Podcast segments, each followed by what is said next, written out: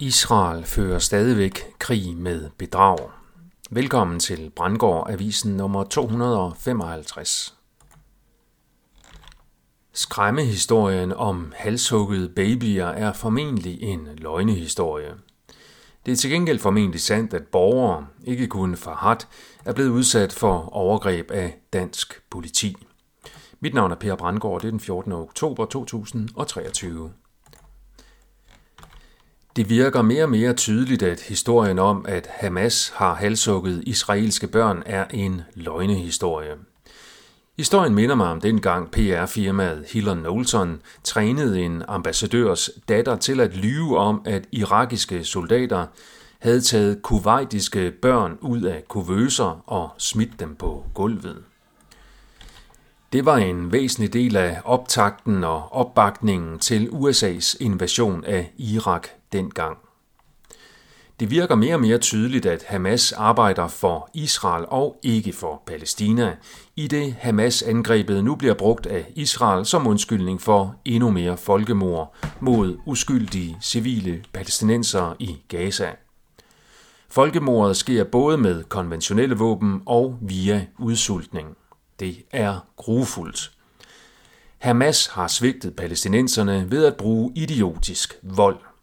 Volden er så idiotisk, at idiotien i sig selv underbygger, at det er Israel selv, der står bag.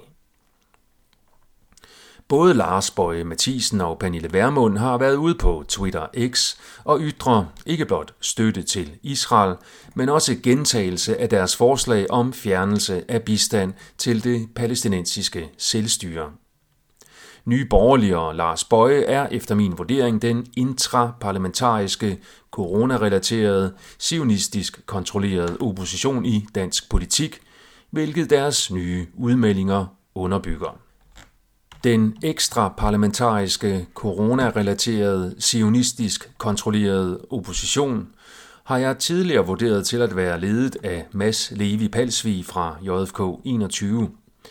Han har dog de seneste dage skrevet flere kritiske indlæg om Israel på Twitter X, med særligt fokus på, at Hamas-angrebet synes at være en falsk flag-operation for at give Israel motiv for at optrappe drabene på palæstinensere i Gaza.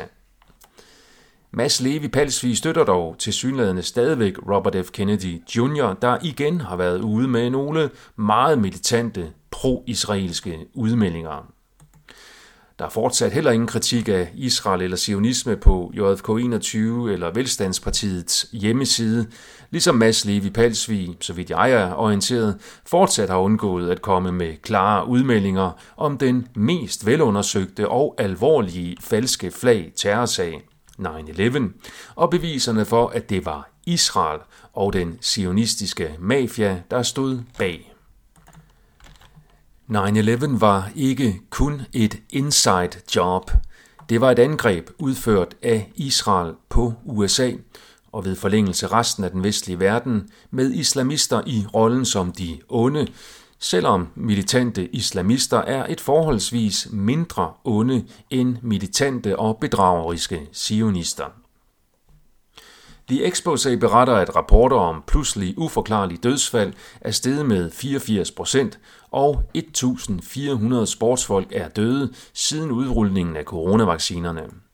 Det er noget af det, offentligheden bliver distraheret væk fra, når der sker sådan noget som Hamas-angrebet i Israel. I går var der store demonstrationer flere steder i landet til støtte for Farhat. VTV4 rapporterede live fra demonstrationen i Aarhus. Her blev mindst to mænd interviewet, der fortalte om, hvordan de havde prøvet at få tæsk af politiet i Danmark. Den ene fortalte om en episode, hvor han var blevet anholdt og sad i detentionen. Han havde brug for at bruge toilettet, og da han var mere end to minutter om det, han skulle lave stort, blev han straffet ved at få en sæk over hovedet, hvorefter politibetjente tæskede løs på ham. Det er åbenbart et trick, politiet bruger, når de vil slå nogen i hovedet, uden at efterlade spor. Jeg har gennem mine år som aktivist mødt mange mennesker, der har fortalt mig om overgreb udført af danske politibetjente i forbindelse med anholdelser i detentionen og ved rensagninger. Jeg har også hørt mange historier om, hvor komplet umuligt det er at få retfærdighed efter disse overgreb ved at klage til den uafhængige politiklagemyndighed, da den myndighed er alt andet end uafhængig af politiet. Den er tværtimod en integreret del af politiet. Og ofte når man klager, så bliver klagen sendt tilbage til den afdeling af politiet, som klagen drejer sig om. Der er store problemer i dansk politi, og det kan være, at Farhat-sagen er tiltænkt som syndebuk, selvom det er påfaldende, at de Farhat-relaterede afsløringer kommer fra DR, og samtidig med Israel-Hamas-konflikten. Det kan således være, at Farhat-sagen også skal fungere som en lynafleder for palæstinensisk vrede mod Israel, i det vi kan se i andre lande, at der har været voldsomme pro-palæstinensiske demonstrationer. Så voldsomme, at Frankrig nu har gjort det helt forbudt at demonstrere for Palæstina.